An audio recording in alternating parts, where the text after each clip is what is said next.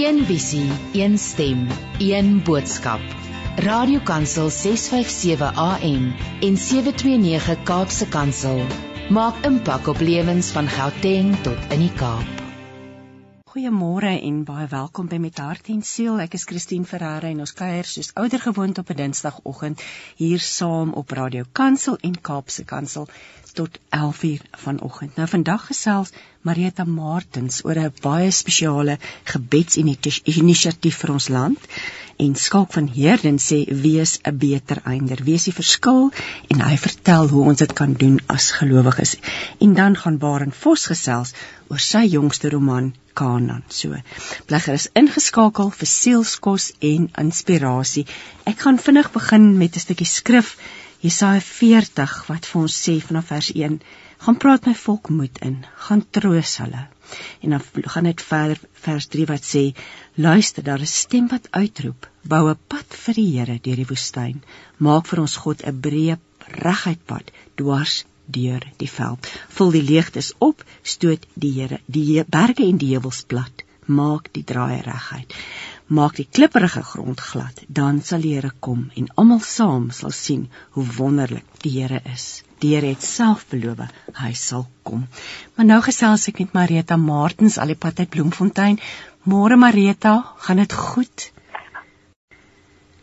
Goeiemôre Christine, dit gaan sommer baie goed met my, dankie. En soos die ou mense gesê het, hoop om dieselfde van jou te hoor. Dit gaan goed aan hierdie kant, ook veral omdat ek vandag met jou gaan gesels en dit voel vir my dis so 'n belangrike gesprek. Um jy en en en en julle gemeenskap en jou man, dit lê op julle harte om vir Suid-Afrika te bid en dat julle is geroep dat daar 'n dag en 'n uur moet kom wat die hele geloofsgemeenskap van Suid-Afrika moet vir ons land se mense moet voorgaan in gebed en dis af 'n tema wat wat deurkom hier ek dink aan Afrika ons dink aan Afrika Vertel vir ons meer oor die dringendheid van hierdie saak wat op jou hart lê.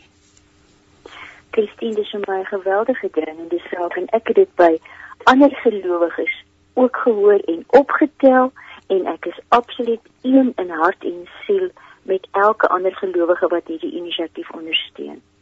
Vir my is dit uh, belangrik dat elkeen moet weet dat hy enige tyd van die dag kan bid. Dat dit nie net spesifiek ja. sê net maar 9 uur in die aand is nie want ehm um, dis onnodig dat ons mekaar aan bande lê en sê 9 uur in die aand maar dat ons gedurende die dag of die aand wanneer dit vir ons pas wanneer 'n babatjie nie huil nie of uh dit nie etenstyd is wanneer iemand aan die deur klop nie dat ons regtig regtig vir ons land bid.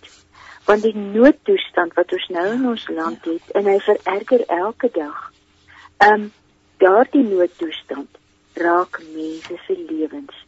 Dit raak die toekoms van kinders. Dit raak die toekoms van studente, dit raak werksgeleenthede, dit raak voedselsekuriteit.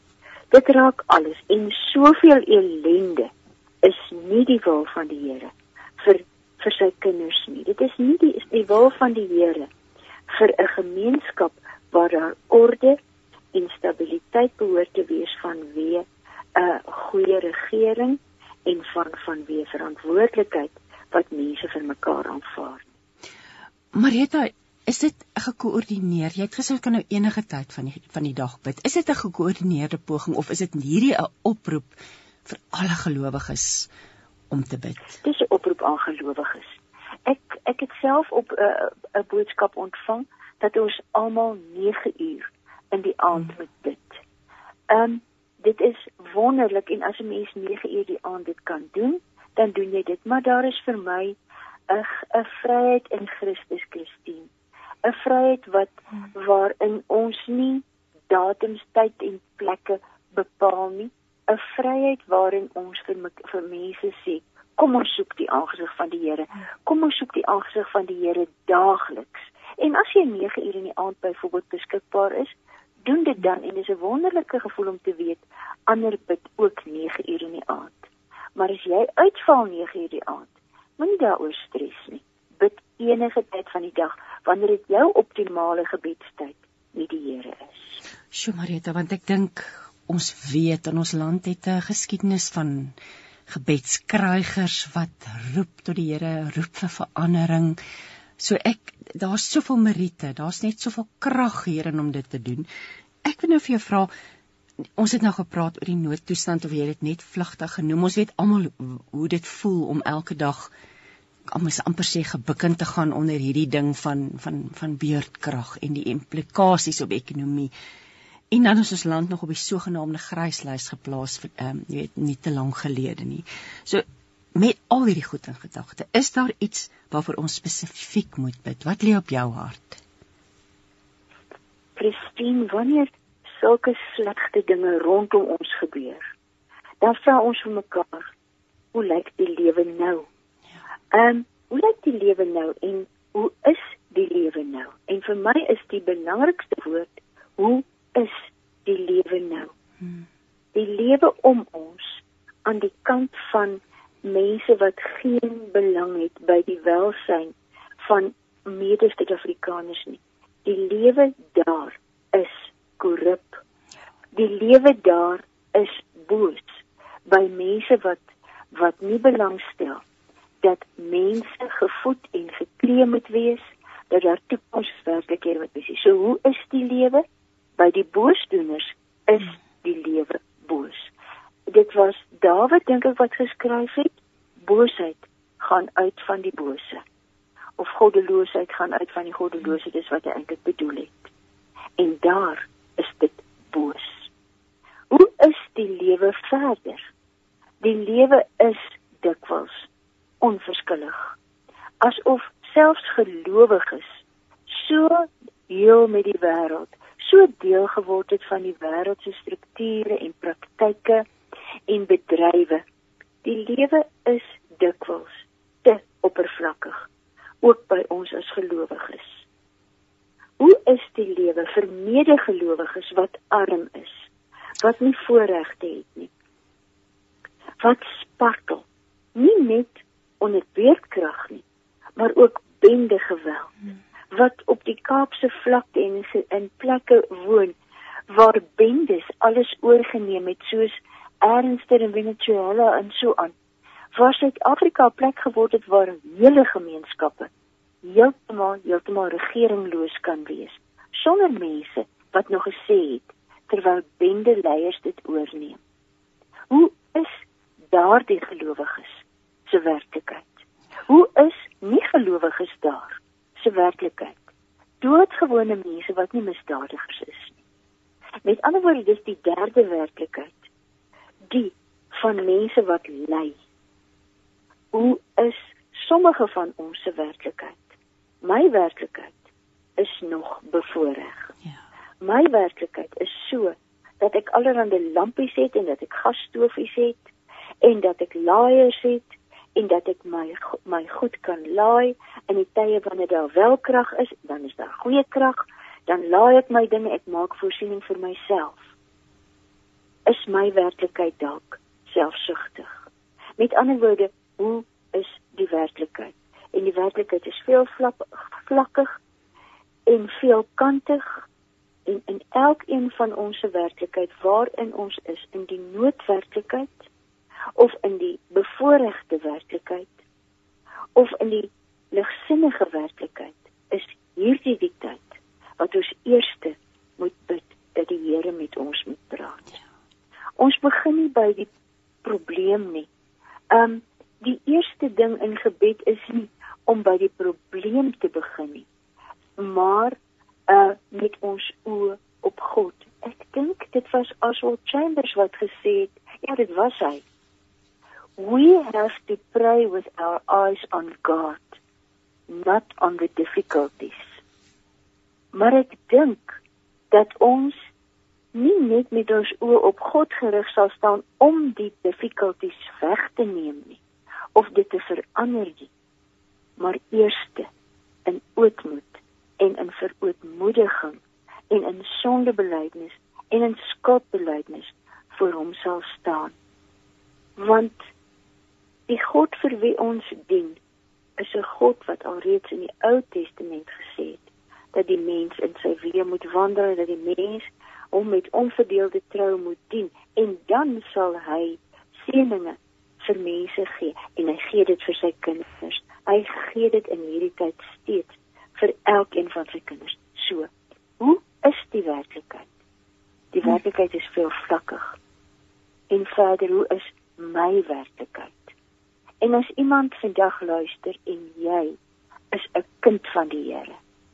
Jy dien die Here Jesus. Jy klou aan hom vas soos daai vrou met haar hande aan die soem van Jesus se kleed. En jy skreeu na hom en roep na hom soos daai melaatses. En jy kom na hom toe soos daai vader met die kind wat van die duiwel besete is en Jesus sê sê vir hom uh dat dat uh uh, uh hy moet glo en hierdie man sê ek glo Here kom my ongeloof te help as jy nog voel soos daai vader ek glo Here kom my ongeloof tot help dan sal die Here jou gebede verhoor om vir jou en jou nageslag te sorg. Daarvan is ek totaal totaal oortuig wat ons beleef het. Elkeen wat hier luister wat wat die Here vertrou en hom dien weet dat die Here die ondenkbare doen vir sy kinders te midde van so 'n vreeslike werklikheid.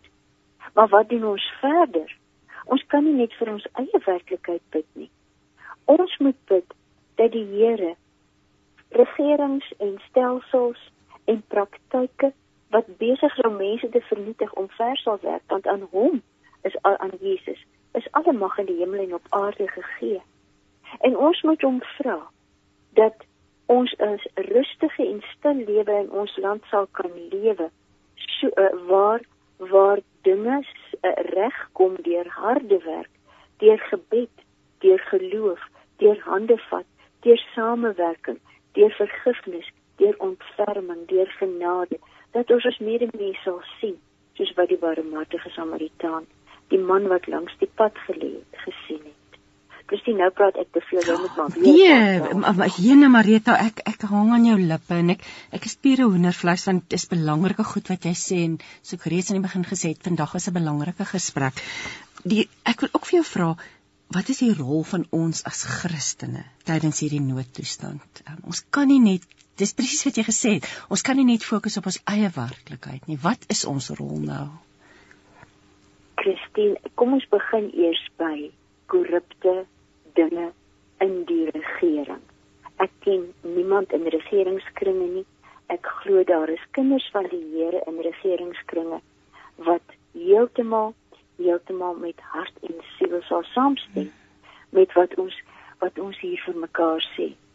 Ek dink een van die heel moeilikste skrifgedeeltes waarmee ons in hierdie tyd um in hierdie tyd te doen kan kry is daardie skrifgedeelte in Romeine waar uh waar die Here vir ons sê ek bedoel Romeine 13 waarin hy vir ons sê dat ons die owerhede moet gehoorsaam. Ja. Um daar staan in in Romeine 13 vers wat ek net die plek kry 13 vers 6 dat ons belasting moet betaal aan die wat belasting moet kry en gee aan almal wat dit toekom belasting as dit belasting is aksyns as dit aksyns is ontsag as dit ontsag is eer as dit uh, as as dit eer is wat daardie persoon toekom en dat ons die die uh, magte, die owerhede wat oor ons gestel is, moet gehoorsaam.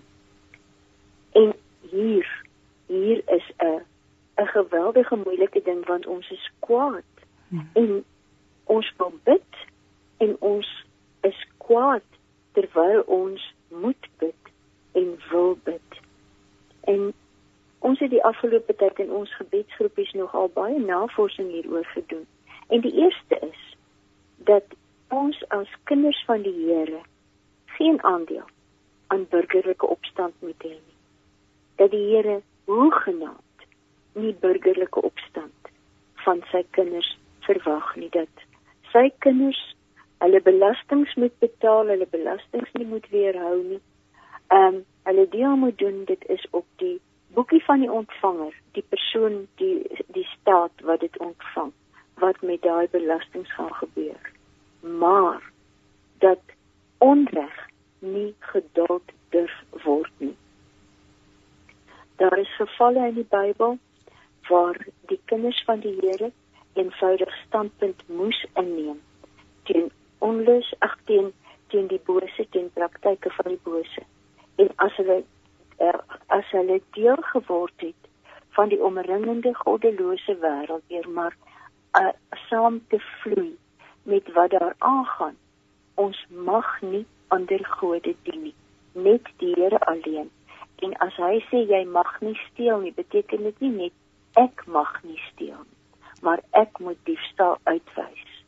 As hy vir vir ons sê eer jou vader en jou moeder en uh, dan in die groot gebod jy moet alle mense jy moet alle mense lief hê dan moet ek ook die wat wat lei lief hê.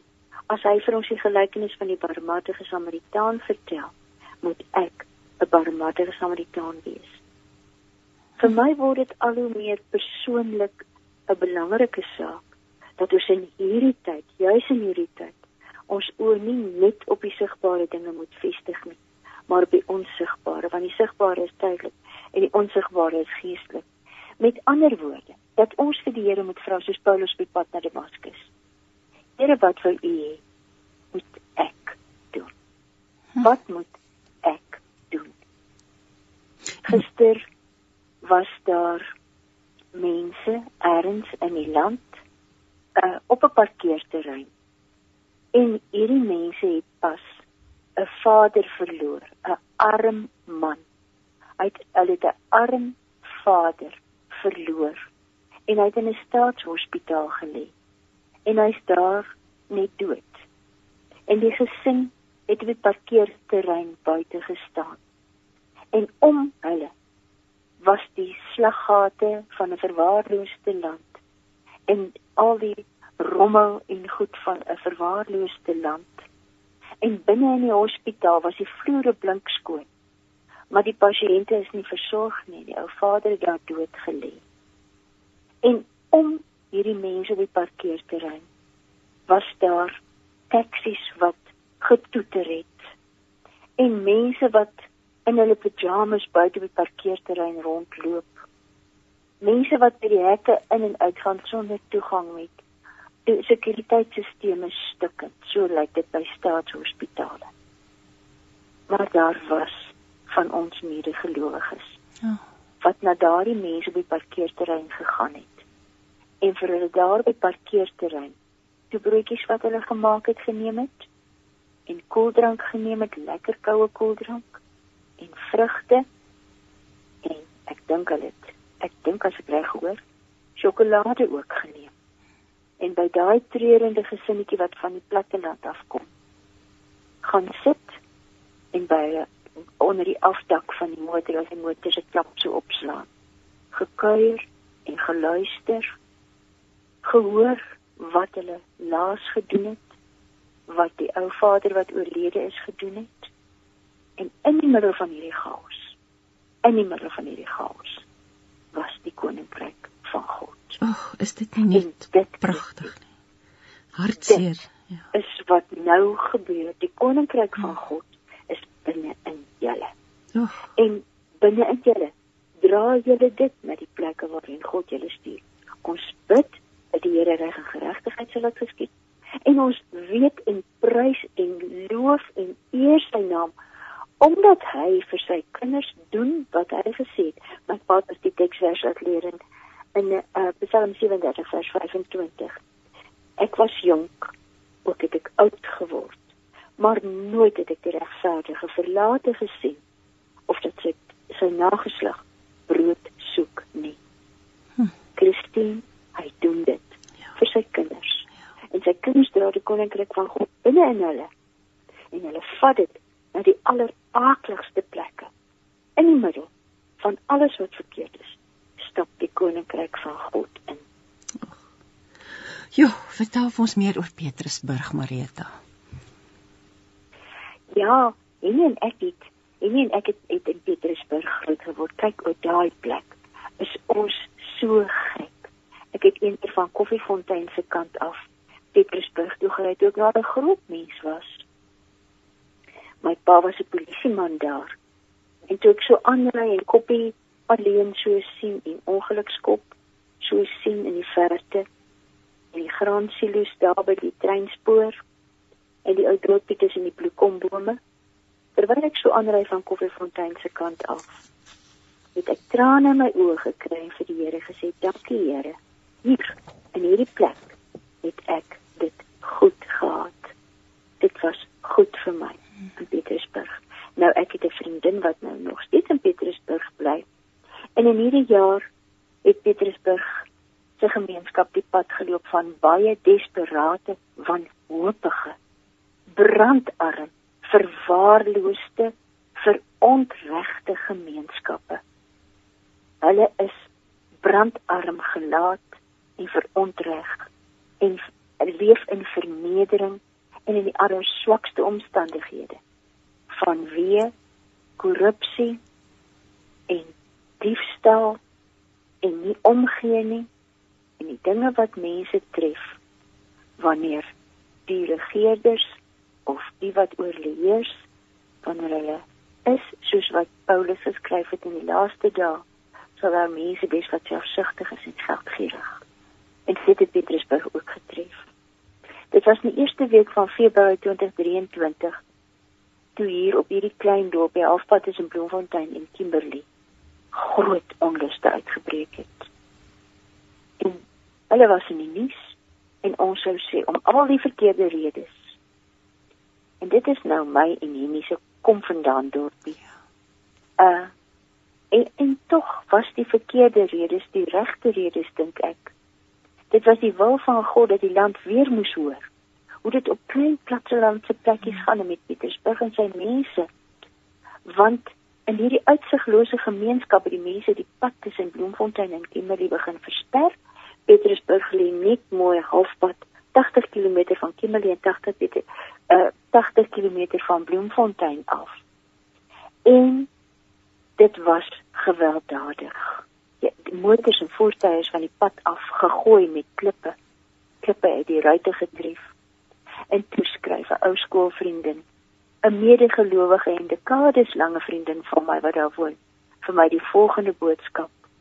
Nadat die magtelose woede van verarmde mense daar tot betogings en versperring van die hoofpad en die brand van buitebande geloop het en sy het vir my haar toestemming gegee om dit te kan aanhaal. Dit was laterig die aand. Die opstand hier is afgeweer en die pad weer oop, maar daar's nog baie smeelinge. Die mense is dikwels sonder water, sonder kos en munisipale dienste. dienste. Huise is beloof, maar geen belofte word opgevolg nie. Dis ook maar die dinge wat ons almal pla. Ongelukkig bly so emosionele oproer nie net by die rede daarvoor nie. En daar's altyd die moontlikheid dat dit kan oorspoel na xenofobie en rasisme en die afbrand van noodsaaklike geboue en voertuie. Nou moet ons ook weet, die xenofobie kan uit die meer bevoorregte, dis nou wat ek hier tussenin sê. Ja. Uit die meer bevoorregte gemeenskap oorvloei na die verontregte gemeenskap. Want hierdie verontregte gemeenskap proteseer teen hulle lewensomstandighede. En die bevoorregte gemeenskap kan sê dis nou net weer daai mense wat so aangaan en wat ons lewe so verontrief. En my vriendin is so reg die xenofobie kan oorspoel uit die bevoorregte gemeenskap. En dan kan dit 'n bose siklus word, die afbrand van noodsaaklike geboue en voertuie en die stroping van winkels en skade aan onskuldige persone se voertuie en eiendom. So skryf sy, daarom is ons almal verlig dat dit tydelik onderdruk is, maar kan enigsins weer opvlam. Ons bid steeds dat daad werklike oplossings sal kom. Sy sê nie net werklike oplossings nie. Sy sê daad werklike oplossings. En dis wat ons die hele tyd al van praat, Christine en luisteraars. Dat dit nie net bid is nie, maar bid wat tot dade oorgaan soos die Heilige Gees ons lei. Alwaarvan ons seker is, skryf my vriendin, is dat ons Vader steeds in beheer is en ons pleit om sy genade oor al hierdie netelige sake. By hom is alles moontlik. En nou sê Paulus volhard in die gebed. En wat moet ons nog verder doen? Ons moet doen wat Jesus sê.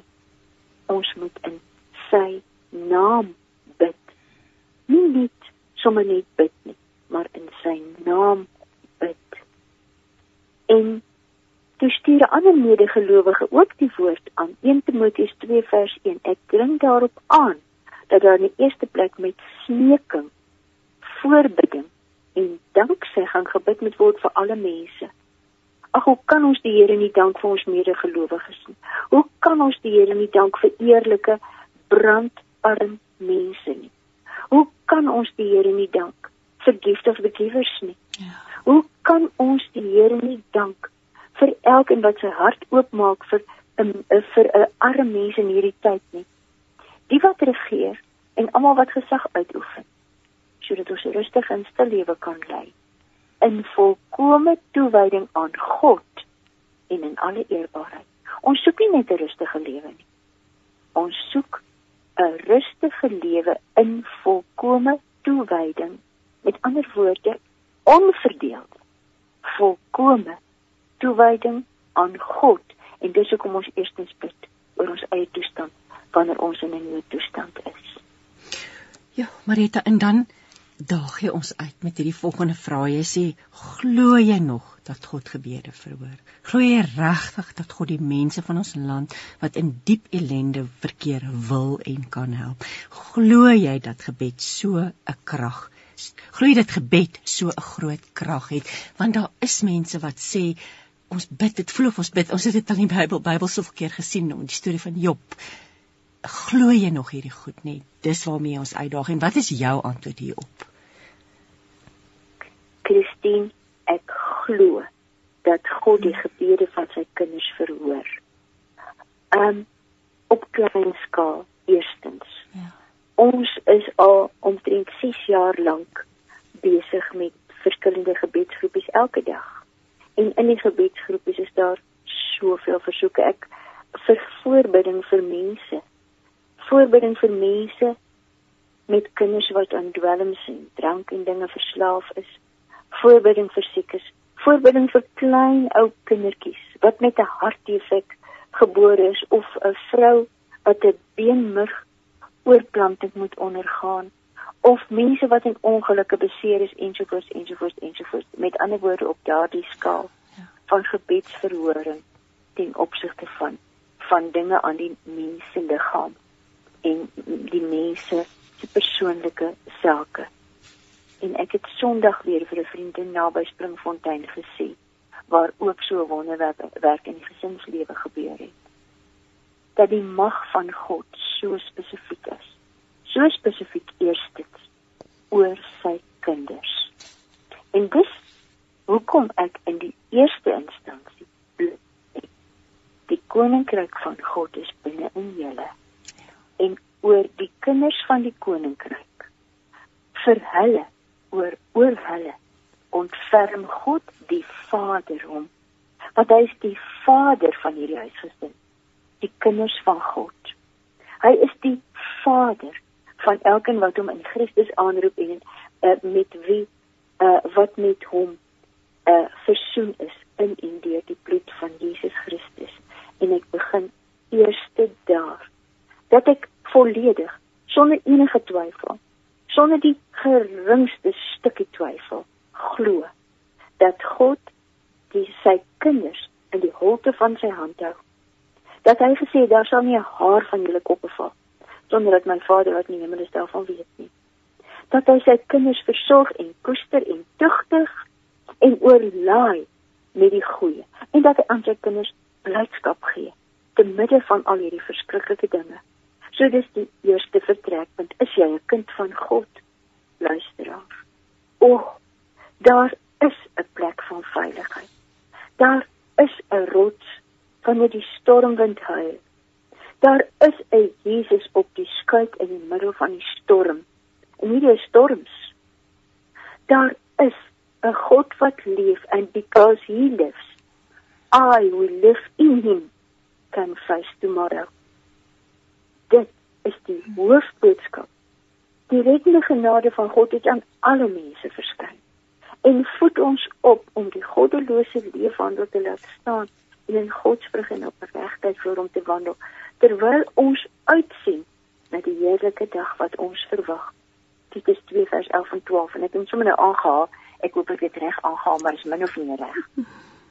Ehm um, in in die eerste instansie ek glo met my hele hart dat God ons spesifiek versorg.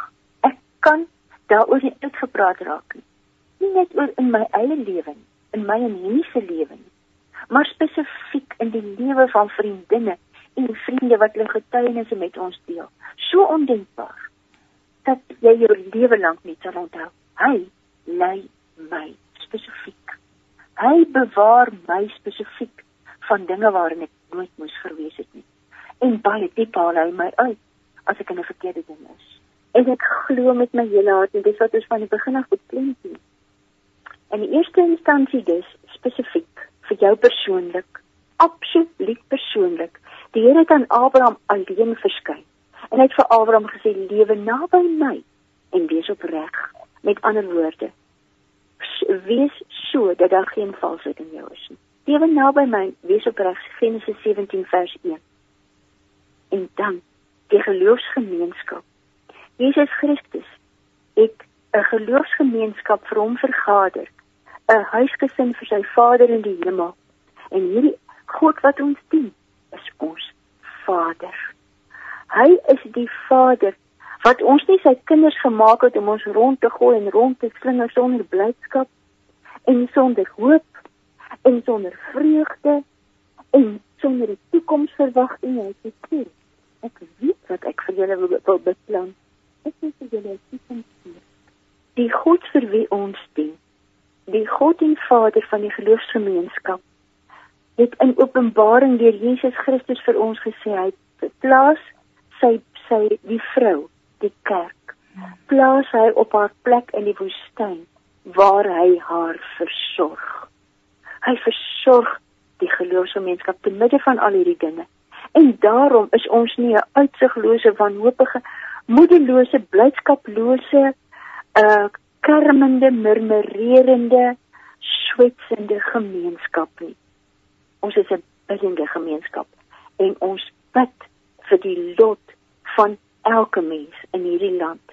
Elkeen wat swaar kry, elkeen wat gefolter word deur die werke van die Satan. En die werke van die Satan. Jesus het dit op klein skaal, het dit op klein skaal vir vir daardie vir sy disippels gesê nadat hy uh die die bose gees uit die duiwel besete seun ge, gedryf het. Toe vra hulle vir hom: "Hoekom kon ons dit nie doen nie?" En toe sê hy vir hulle: "Hierdie soort goed kan met niks anders as gebed en vas uitgedryf word nie." En as Jesus so iets sê, dan bedoel hy dit in elke konteks is daar in jou woonbuurt 'n verskriklike bose gees. Ek bedoel 'n gees, 'n gesindheid van boosheid en hmm. wêreldgesindheid of wat ook al of hy haat en nait. Hierdie soort goed in daai kol kan nie uitgedryf word nie behalwe deur gebed en vas. En hierdie soort goed in jou stad, ons hier in Bloemfontein. Hierdie soort goed kan nie uitgedryf word nie behalwe deur gebed en vas. Is daar probleme elders waar mense oor hierdie stad regeer, dan moet ons oor hierdie soort goed bid met gebed en vas. En hierdie woord vas is belangrik. Wat is vas? Beteken dit ons moet almal lang tye sonder kos bly en net water drink? Ja, daar's mense wat dit doen en mense wat dit kan doen en mense wat wat heeltemal in staat is om te doen. Maar vas is nie net die letter van die wet nie. Vas beteken volkome oorgee aan God dat hy alleen kan praat en ek by hom is en ek my van alle ander dinge afsonder. So vas kan ook wees lang tye van stilte of 'n tyd van stilte of nie televisie kyk nie of nie koffie drink nie of wat ook al sodat ek kan gaan bid. Sodat ek gaan bid. Die vas beteken doodgewoon dat ek my met die Here afsonder en dat ek in sy naam bid vir hierdie dinge wat so verkeerd is, hierdie soort goed kan nie deur niks anders uitgedryf word nie as deur gebed en vas. En natuurlik sê jy en ons weet dit ook, ons lees dit in die woord, geloof wat soos 'n mosterdsaadjie is, kan vir hierdie berg sê werp jou nie seën nie. So bietjie daaroor en dan wil ek vra of jy vir ons sal afsluit ook met 'n gebed asseblief vir ons land Marita. Christine, ek het nou die stukkie nie mooi gehoor nie. Ag, dit hoor jy nou weer vir my nie. nie. Ek ek verwys na nee. na jou skrywe oor geloof soos 'n mosterdsaadjie. Wat wil jy vir ons daaroor sê? Moet ek moet ek daaroor iets sê? Asseblief, dit sal vir ons wonderlik wees. Weet weet jy Christine en weet u luisteraars. Daar het 'n totale nuwe gevoel van geloof, sekerheid van van God wat luister in my hart gekom nadat ek gelees het dat die Here Jesus gesê het as jy geloof soos 'n mosterdsaadjie. Is jy daar Marita? Ek gaan nou weer probeer. Jy moet ek weet nie wat sukkel ons so vanoggend nie. Okay, daar sê geloof soos 'n mosterdsaadjie. Jy, jy vertel van ja. jou geloofsekerheid. Vir my het daar ons het oor 'n treinspoor gery. Ek weet presies waar dit gebeur het wat ek vir Henny gesê het. Weet jy, as 'n mens aan jou gebed dink, die die, geloof wat jy die bietjie geloof wat jy die tye wanneer daar soveel twyfel is, maar daar's nog so 'n bietjie geloof oor. So klein soos 'n mosterdsaadjie. Dis net min of meer so 'n basiliekruidsaadjie of 'n timie saadjie, daai klein saadjies of 'n spinasie saadjie. Nee, spinasie is te groot. Uh, maar so klein klein saadjie. As jy daaraan dink, dan dink jy, hoe kan hierdie gebed iets vermag? Maar as jy besef waar jy die mosterdsaadjie neersit. Waar jy dit strooi. In die kragveld van God die Almagtige. Nou lê my mosterdsaadjie gebed in die kragveld van hom aan wie alle mag in die hemel en op aarde behoort. Nou lê nou lê my mosterdsaadjie gebed in die kragveld van God wat liefde is. God wat vir mense 'n toekoms wil gee. God wat mense se lot wil verander. God wat vir die armes wil sorg en vir my ook sê om vir hulle te sorg. God wat is en was en sal wees. As my gebed in so kragveld lê, dan het ek geen twyfel dat dit verhoor sal word nie. Dit hang af waar by wie my gebed val. En my gebed val in die kragveld ons gebede val in die kragveld van God die Almagtige. Hm. Hoe pragtig is dit nie? Marita, wil jy asseblief nie vir ons ver oggend afsluit of voortgaan in gebed? Ek wil graag ons gesprek met 'n gebed afsluit en ek wil dit lê op my hart om jou te vra. Sal jy asseblief vir ons bid namens ons almal vir ons land? Ek doen dit graag. Dankie, dankie Marita. Ons Vader wat in die hemel is, het ge ons geleer om te bid, laat U naam geheilig word. Laat U koninkryk kom. Laat u wil geskied in die hemel en ook op die aarde. Here, hier is ons as u kinders op die aarde. Hier is ons as u kinders in Suid-Afrika. Laat u naam geheilig word deur ons lewens nou. Laat u koninkryk kom, want die koninkryk van God is binne in ons. Laat u koninkryk rondloop. Laat u koninkryk by mense sit. Laat u koninkryk by mense kniel om hulle in die koninkryk in te bemin. Laat u wil geskied in die hemel soos ook op die aarde. Laat u wil in ons lewens geskied. Here ons vra dat u wat die God van geregtigheid is reg en geregtigheid sal laat geskied. U sal dit doen.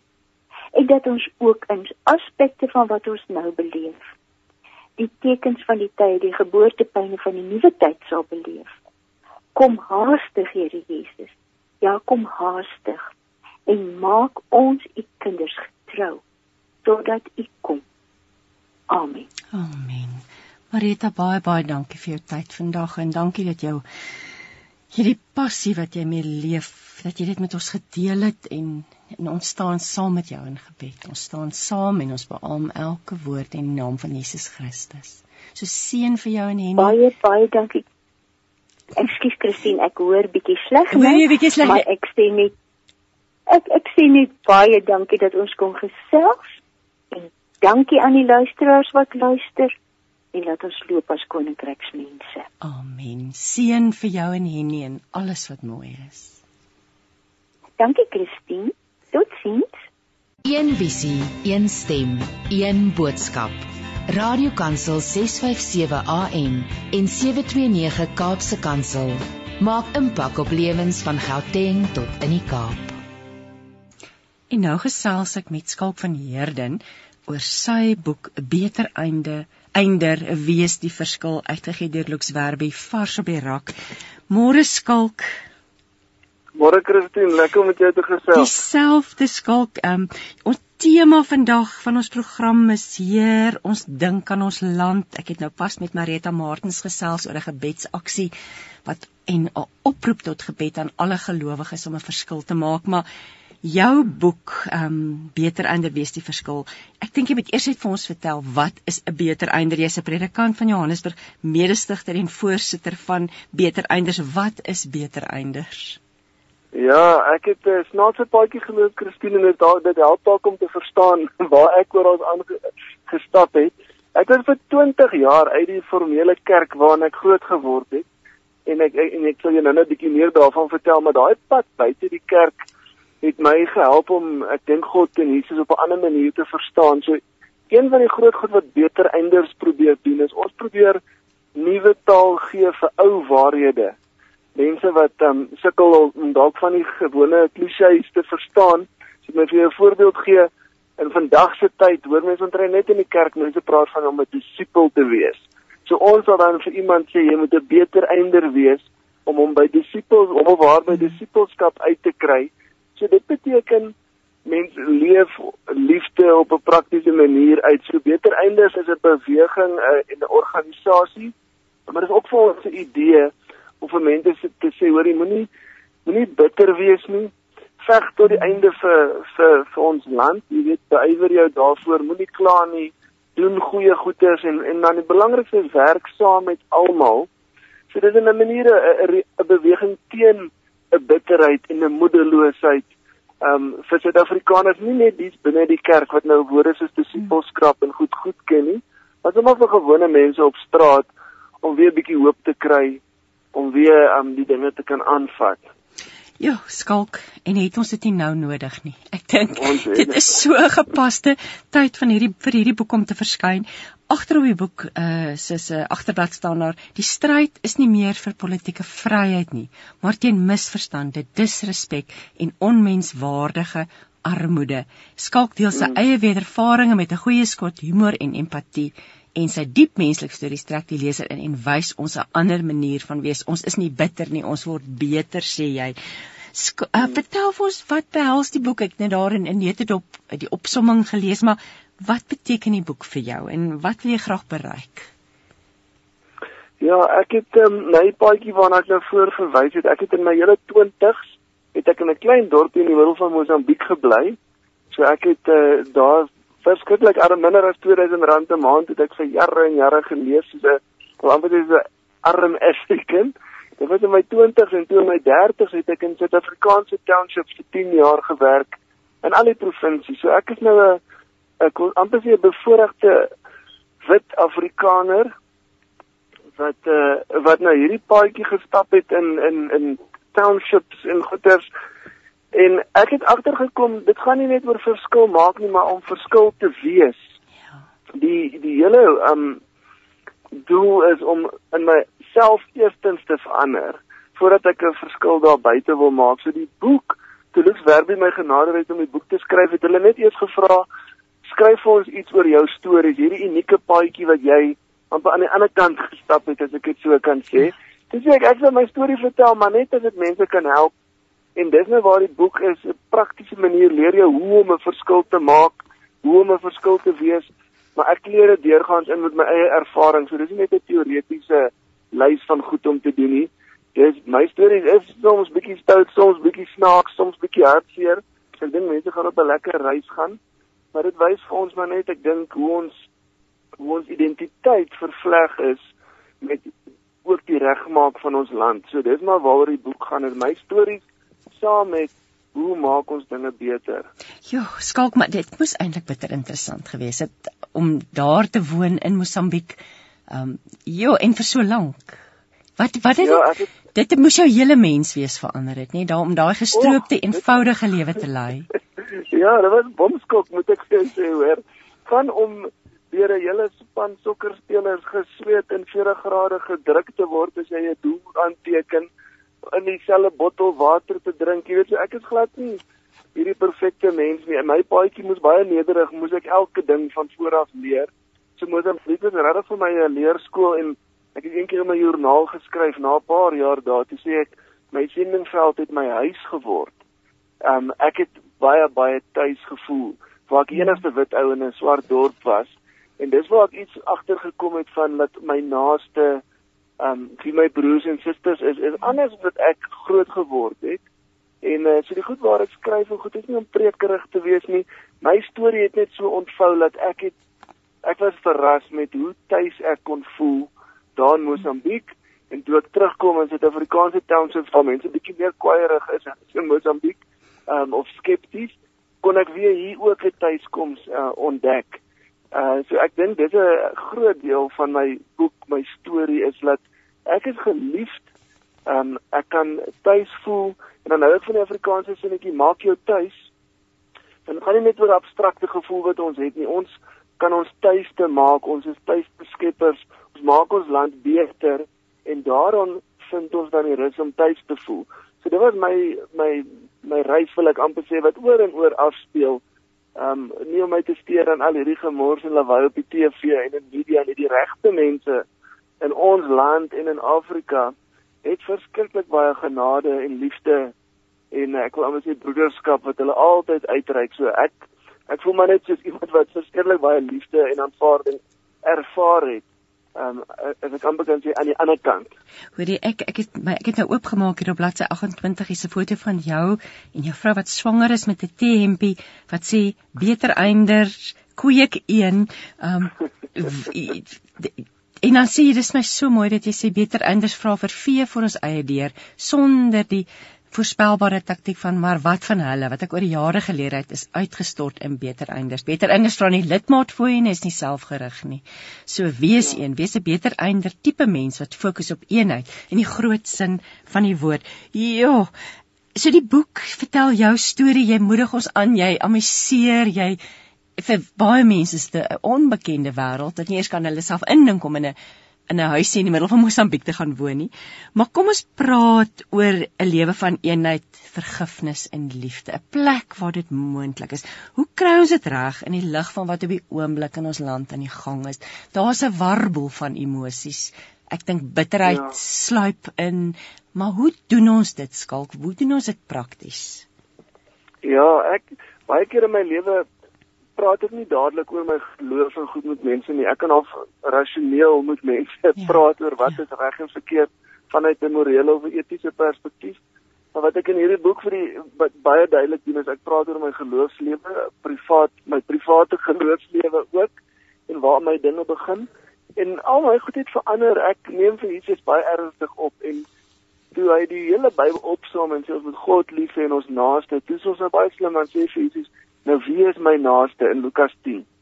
En die antwoord van Jesus van wie is jou naaste? Sê hy vir ons, dan vertel hy die storie van die barmhartige Samaritaan. En kan jy my nog mooi Ja, hoor? ek hoor jou nog baie mooi. Dankie. Hy vertel die storie van die barmhartige Samaritaan en die Samaritane was die vyande van die Jode. So Jesus kom sê eintlik jou naaste is daai persoon wat jy dink is nog ver. En ek moet vir jou sê eerlik waaroor hoe kry ons dit reg met vergifnis en liefde en diep goed in ons land voordat ons na politiek en sulke goeters kyk. Moet 'n gelowige eers na God luister en probeer verstaan hoekom sê Jesus vir my my naaste is die Samaritane. Hmm. En dit wat ek ontdek is dat die wie ons dink is ver, is eintlik ons naastes en dan is daar 'n groot familie, ons is kinders van God verby al ons verskille en goeders. So dit as jy my vra regtig hoe om dit te gebeur, moet daar eers iets in my hart gebeur wat ek besef my naaste is nie mense wat lyk en klink soos ek. Jy ek ek hou van die sinnetjie, ek dink ek skryf dit in die boek. Jy maak jou naaste. Ja. En jy dit doen jy deur goed te wees vir mekaar. En dit in die regte lewe is baie makliker as wat ons op die TV sien, wil ek maar net sê. Jy sien nou hoe gaan dit in die land? Ja. In die regering gaan dit baie sleg. In Eskom gaan dit baie sleg. Maar met die gewone mense gaan dit goed. Jy weet ek is nou nog elke dag, ek gaan nou as ek moet jou vir jou tot sien sê, ry ek in die shacks en in 'n township in. En daai gewone mense gaan dit nie dalk moeilik materieel, maar mense is lief vir mekaar, mense is goeie mense en dit is 'n klein groepie wat korrup en goed is. is so ons moet ons nie daarteen vas staan en dink hulle is almal so nie. Ja. Die die mense, die gewone Suid-Afrikaners is, is regtig dierbare mense. Kom ons kom ons praat oor, hierdie stelling wat jy maak. Jy sê as ons verandering soek, moet ons anders leef. Wat ja. wat wil jy vir ons sê daardeur? Ek dink ek sou daai net een ding uitwys, ehm um, Christine is ja, maar baie van ons probeer 'n verskil maak en ons probeer baie maal tegnies ehm um, goeders doen soos baie deel kom berse uit of deel stop uit of dit of hmm. dat en ander probeer weer vriend vriendskappe smee. Ek dink of jy nou praat van 'n kerk of 'n besigheid of 'n organisasie daar moet 'n balans wees aan die een kant van verhouding bou en daar binne ek praat blaatant reguit sommer oor tussen wit en swart mense. Toets jou deurkusyn by jou huis. Wie kom by jou huis in? Wie wie wie leef soos jou naaste? So daar's 'n verhoudingsaspek soos wat ons verhouding bou, vriendskappe kan ons verbeter. So ek dis die een kant dit verhoudings en aan die ander kant gaan oor om dinge fisies beter te maak en die Bybel praat van geregtigheid. Wat is regverdig? Jy weet dat dat elke kind wat gebore word regverdige kans kry tot 'n goeie lewe van vryheid en keuses. En ons land is glad nie regverdig en gesond nie. So vir my om integriteit te hê, moet ek mooi na my eie kinders kyk, maar ek moet ook mooi kyk na na daai mense wat ver is, wat nog moet naastes word. Ek moet ook mooi kyk na hulle kinders. So dit dit behels hierdie fisiese goed wat my tyd en geld vat en my my moed en my vaardighede, maar dit behels ook dat ek my eie hart skoon maak en dat ek regtig 'n goeie vriende maak met mense wat nie sorry, ek praat sommer baie reguit, nie wit en Afrikaans is nie. Daar's 'n groot geheimenis van menswees wat daar vir ons wag, soos wat ons in daai goed inbeweeg. Hoorie, dit dis vir my baie interessant want daar's soveel kommentare Rolf Meyer het voorop gesê, lees hierdie stadig en oordentend. Um skalk hierdie konsep Afrikaners 'n verdienstelike, gelykwaardige, eg en legitieme plek. Dan sê um uh, Bouwer Bosch, skalk vra die moeilike vrae, maar jy leef ook die moeilike antwoorde uit. En eh, Barend Legraan sê, sakeman en aktivis sê 'n verfrissende bries van nuut kyk na ons land en sy mense en dan 'n ba basis vir hoop in die land en dit sê Jan Bosman die hoofsekretaris van die Afrikanerbond. Kom ons praat 'n bietjie oor hoop. Ek dink daar's 'n gevoel van moedeloosheid en ons gaan moet keer dat hierdie moedelose gevoel ons oor oorweldig, nê. Nee. So het jy 'n storie of twee van hoop om met ons te deel vanoggend? Ja, ek gaan ek gaan weer 'n paar praktiese goed sê. Ehm um, baie keer het mense hoop net as jy weet hoe om iets te doen, wil ek maar net sê. Ja. Die hoop is nie iets fuzzy of abstrakt nie as jy weet hoe om iets regtig reg te maak, dinge is sommer mense eie huwelik. as jy weet hoe om dit te doen, dan kry jy sommer weer hoop. So ek dink 'n klomp goed wat ek in die boek probeer beskryf is praktiese maniere hoe om 'n verskil te maak en dan dit is in die doen wat ons hoop kry. Um my een sin in die boek wat jy sal raak lees is ook wat sê ons ons het nie hoop nie, ons bring hoop. Ja, dit is altyd die mense sure. wat hoop bring wat ook hoop het en ervaar.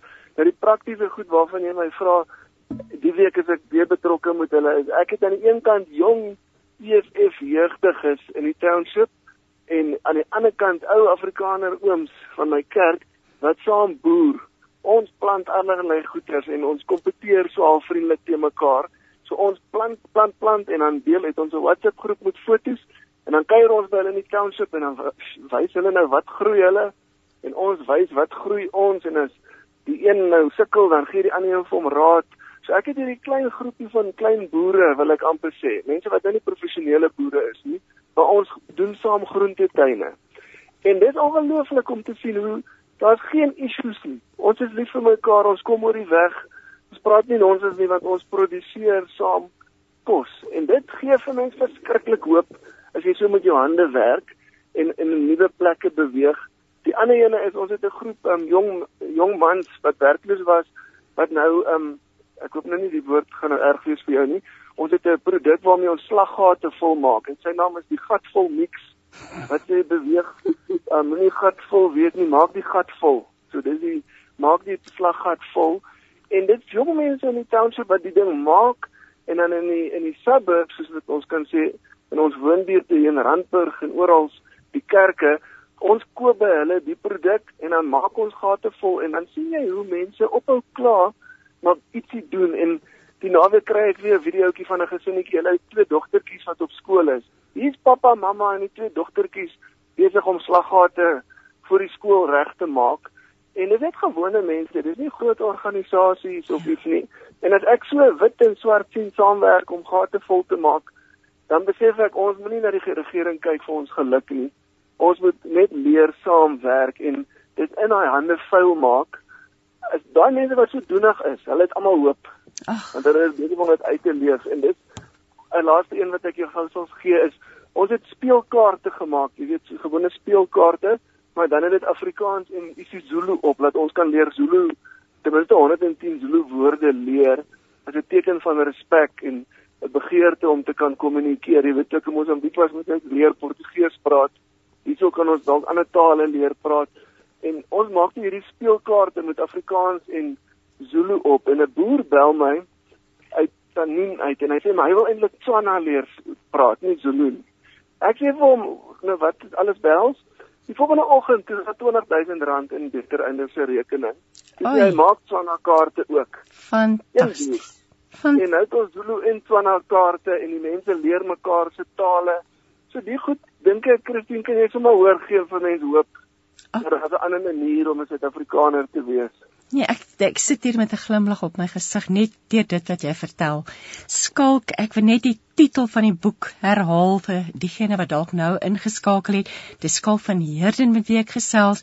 Die boek se titel is Beter einder wees die verskil en jy sê ons is nie bitter nie, ons word beter en joh, Skalk, ek wil daardie sinnetjie herhaal wat jy gesê het. Ons bring hoop. Ons het nie hoop nie, ons bring dit. Is ek nou reg? Dit is wat jy gesê het, nee. Ja, ja, 100%. En mag ons dan almal, joh, almal net saam staan om hoop te bring.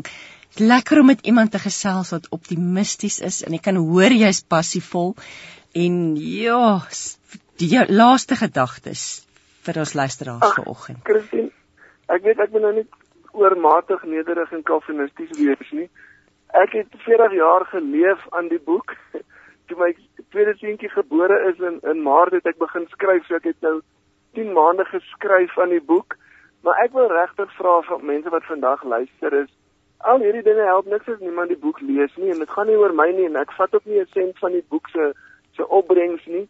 Maar ek wil vra moenie net aan jouself dink nie as jy weet van iemand wat moedeloos is, wat die ding is in is om dit nou mooi taal te gebruik koop vir iemand hierdie boek wat jy dink dit nodig het. Ehm um, so ek het regtig wil ek sê ons moet saamwerk selfs van so 'n ding. Wil ek jou uitnooi wees deel van hierdie verskil en alles en 'n uh, baie praktiese ding is koop so 'n boek. Jy kan hom dalk sommer vir jou dominee ook koop as jy dink hy weet nie wat hy doen nie. Um, maar kom ons werk saam selfs aan hierdie projek. Oor dit was heerlik gewees om met jou te gesels en sommer baie seën. Ons hoop hierdie boek beland in baie hande en dat ja, dit ons almal op die ou uiteinde beter einders gaan wees. Skalk nogmaals dankie vir jou tyd vanoggend en baie seën. Daar sê tot sins skalk. Een visie, een stem, een boodskap.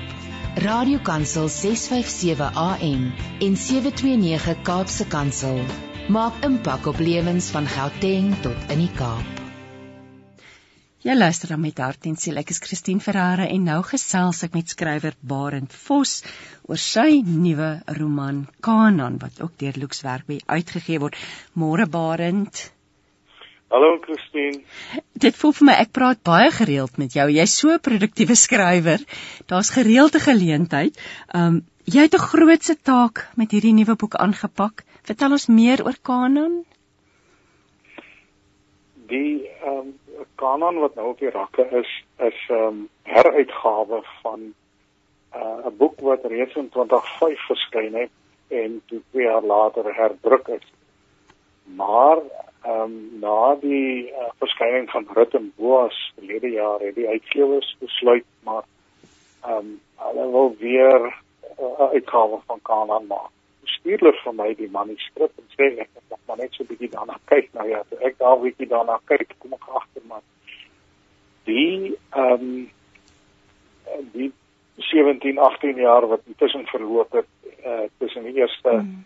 Uh, uitgawe en en die nuwe een wat hulle wil uitgee. Die 18 jaar ehm um, uh het daar nogal baie water in die see geloop ook vir die ouetjie wat dit skryf. Ja. So ek het toe eintlik ehm um, Christine die die hele boek herskryf. Dit is nie net 'n heruitgawe nie, dit is ook eintlik maar 'n herskryfde uitgawe. Basies maar dieselfde storie, maar ehm um, ek dink tog aansienlike uh, ja, verbetering. Mense wat uh, wat het, wat al twee uitgawes gelees het sê vir my dit is um, dit lees beter, dit lees makliker. Uh ag en ek verstaan dit baie goed. Ek, ek is daarom na alles daarom nou, weet 18 jaar 18 jaar ouer. Die eerste keer geskryf. Meer wysheid, meer geduld, al die dinge wat daarmee saamkom as mens 18 jaar ouer word. Jy fokus veral op drie karakters. Um ek het die boek oor die naweek gelees um en ek het baie geniet. Dis die eerste karakter is die priester Itamar en dan natuurlik die prostituut Ragab en dan Joshua wat die volk die beloofde land moet binnelei. Um hoekom het jy op hierdie drie karakters? Jy's net op hierdie drie gefokus. Of daar's ander karakters wat ook inkom, maar hulle is jou drie hoofkarakters. Wat het jou op hulle laat besluit? eintlik het hulle kan mens eintlik maar sê uh, het hulle hulle self kom aanmeld. Ehm um,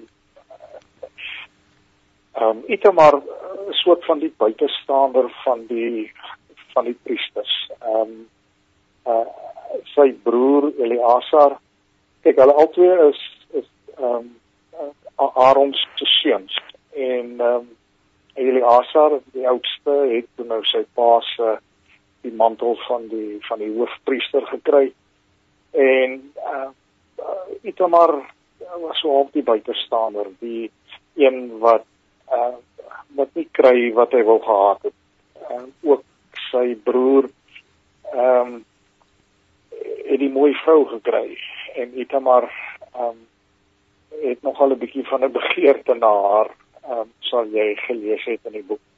En dan natuurlik ehm um, is hy ook nie so heeltemal oortuig van sy roeping nie. Hy weet nie of hy regtig die ding wil doen nie. Eintlik, ons kan dalk later meer daaroor gesels. Eintlik wil hy wil hy bokke hê. Hy wil hmm. hy wil die dinge eh, doen wat die priesters nie mag gedoen het nie. Hulle mag nie geboer het nie. Hulle was voltyd in diens van die tabernakel en van die aanbidding aan uh, van die Here en ehm um, nou ja, ehm um, So Itamar het hom self by my kom aanmeld as as die as die ontevrede half um, ongelukkige onwillige is miskien 'n beter woord die onwillige priester. Ehm um, Ragab ja, ek wil dus eintlik half logies want ehm um, 'n sentrale deel van die inname in die beloofde land uh, die die inkomste in die beloofde land was die was die oorwinning uh, oor Jerigo. Ja. Die ineenstorting van die mure en uh, Rahab het 'n sentrale rol daarin gespeel omdat sy die die mense was wat die wat die verspieders weggesteek het. En nou ja, so uh, as uh, Jerigo dan so 'n groot rol gespeel het dan in die verhaal dan moes daar 'n karakter wees wat wat die deel van die verhaal dra. Nou Rahab is die enigste een wat ons ken. Ons lees in Josua 2 en dan ook weer in Josua 6 van haar.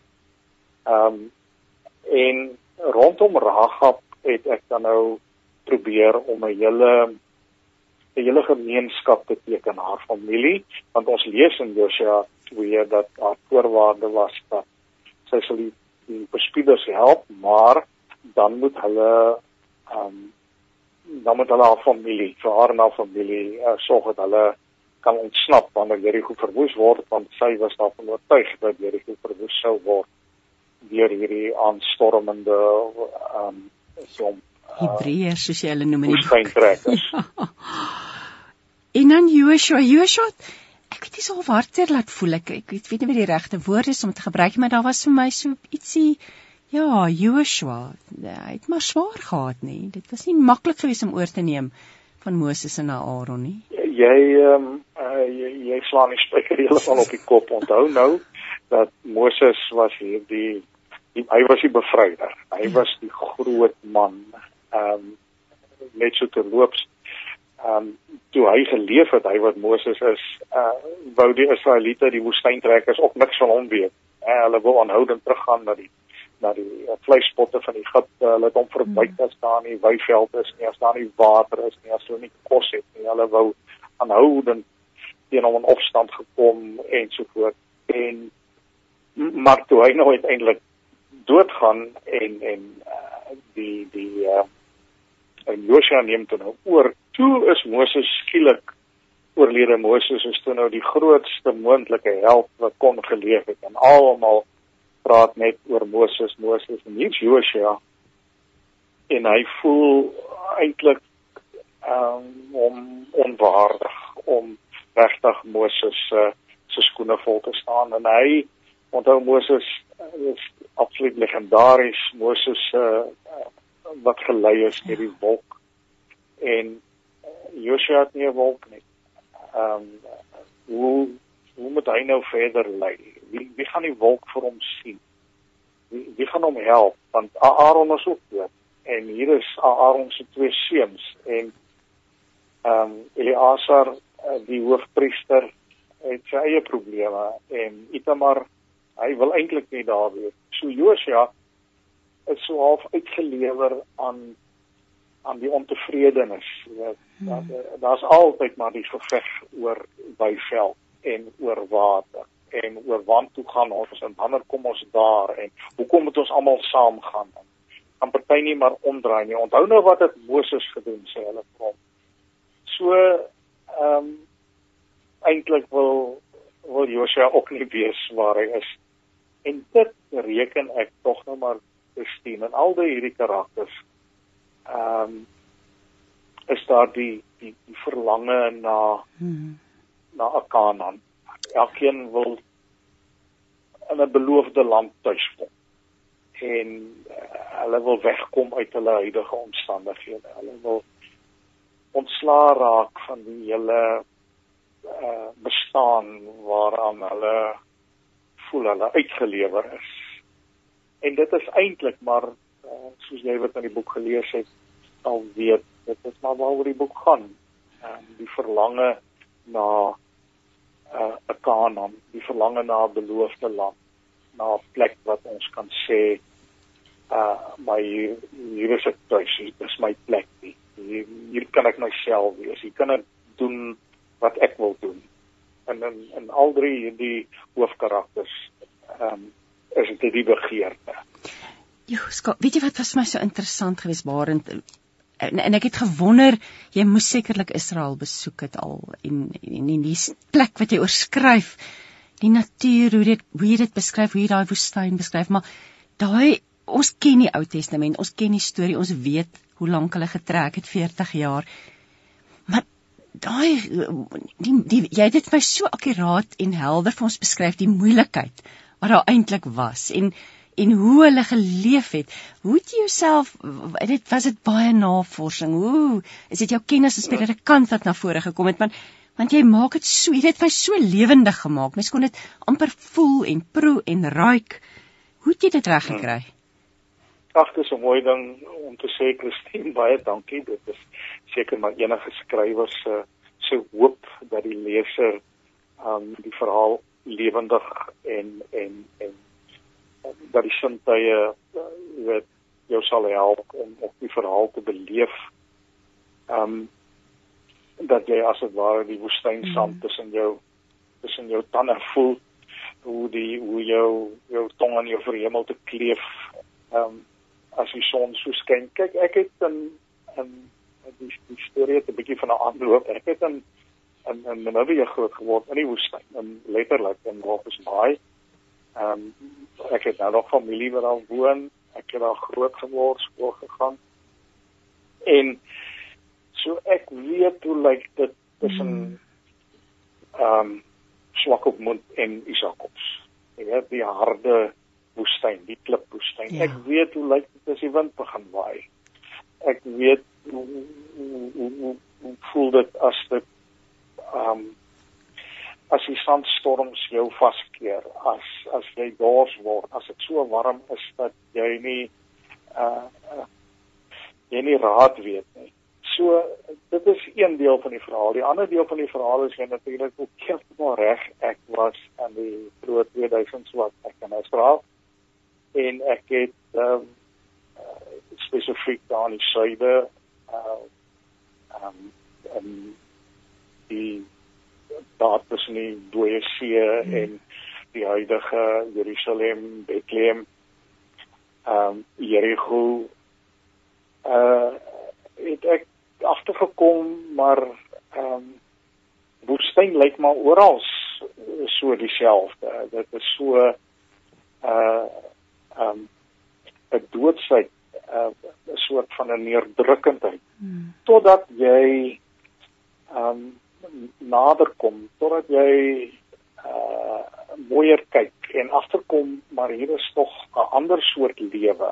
Hier is 'n uh, hier is 'n ander ehm um, 'n soort landskap uh waarin daar tog lewe moontlik is waar alles nie so neerdrukkend is waar daar diere leef waar daar wilde diere rondloop in die nag waar daar jakkals skree so ehm um, ja die die die beskrywing van die woestyn en die lewe daar ek is bly as jy dink uh, dit is akuraat. Ek het uh, uiteraard is daar heel wat navorsing daaroor gedoen reeds en kon ek gaan oplees en kon ek gaan soek na die dinge uh, wat ek nog nader wou beskryf, weet die klere drag en die kos en dis weer.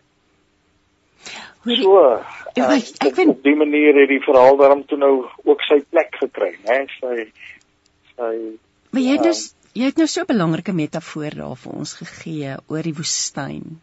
As 'n mens jou bevind in 'n woestyn tyd in jou lewe, 'n woestynplek, as jy gewoon dieper en nader kyk, is daar lewe nie.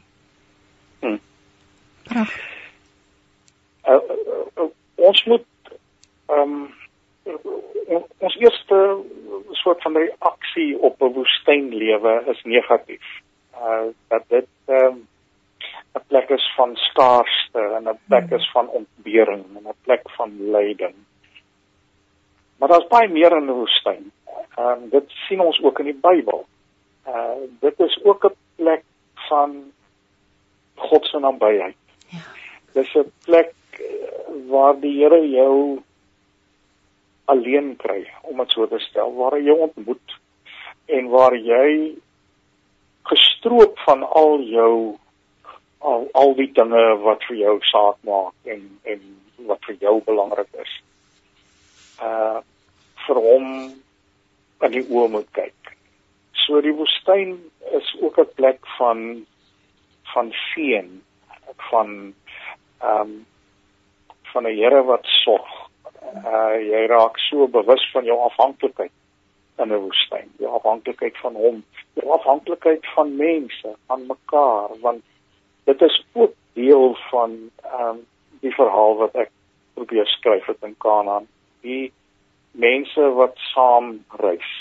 Hoeveel hulle op mekaar aangewese is, hoe hulle mekaar moet help. Hulle hulle kan nie al wil hulle nie. Uh, maar hulle kan nie sonder mekaar klaarkom. So. Ja.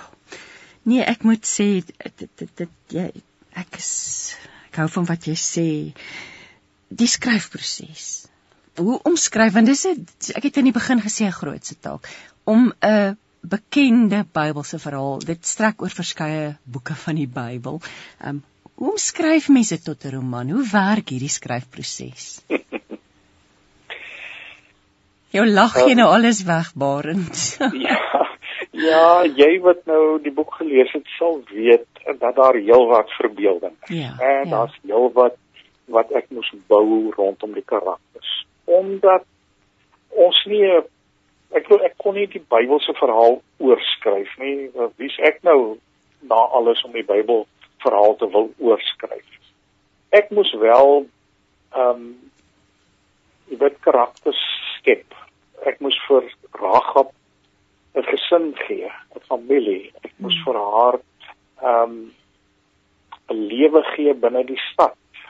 Uh ons ons ons lees in Josua 2 dat die koning haar ontbied het om by haar te hoor oor die mans wat daar was, die die ehm um, die verspieders en dan sê sy vir die koning: "Ag, jy weet mos hoe dit is. Ehm um, daar kom ons nou maar mans by my aan. Ek vra nie wie hulle is en waar hulle vanaf kom nie en waar hulle gaan nie." Nou dit is reg uh Bybels. Dit is soos dit in die Bybelse verhaal staan. 'n Mens moet maar 'n mens moet maar en, en, en dit geld nou nie vir 'n skrywer net nie, maar maar ook vir enige Bybelleser. 'n Mens moet maar tussen die lyne lees. Jy hmm. moet maar uh um mooi kyk wat daar staan en wat daar nie staan nie. En hoekom die Bybelskrywer so iets sou skryf en hoekom die Bybelskrywer so iets sou wou verswyg.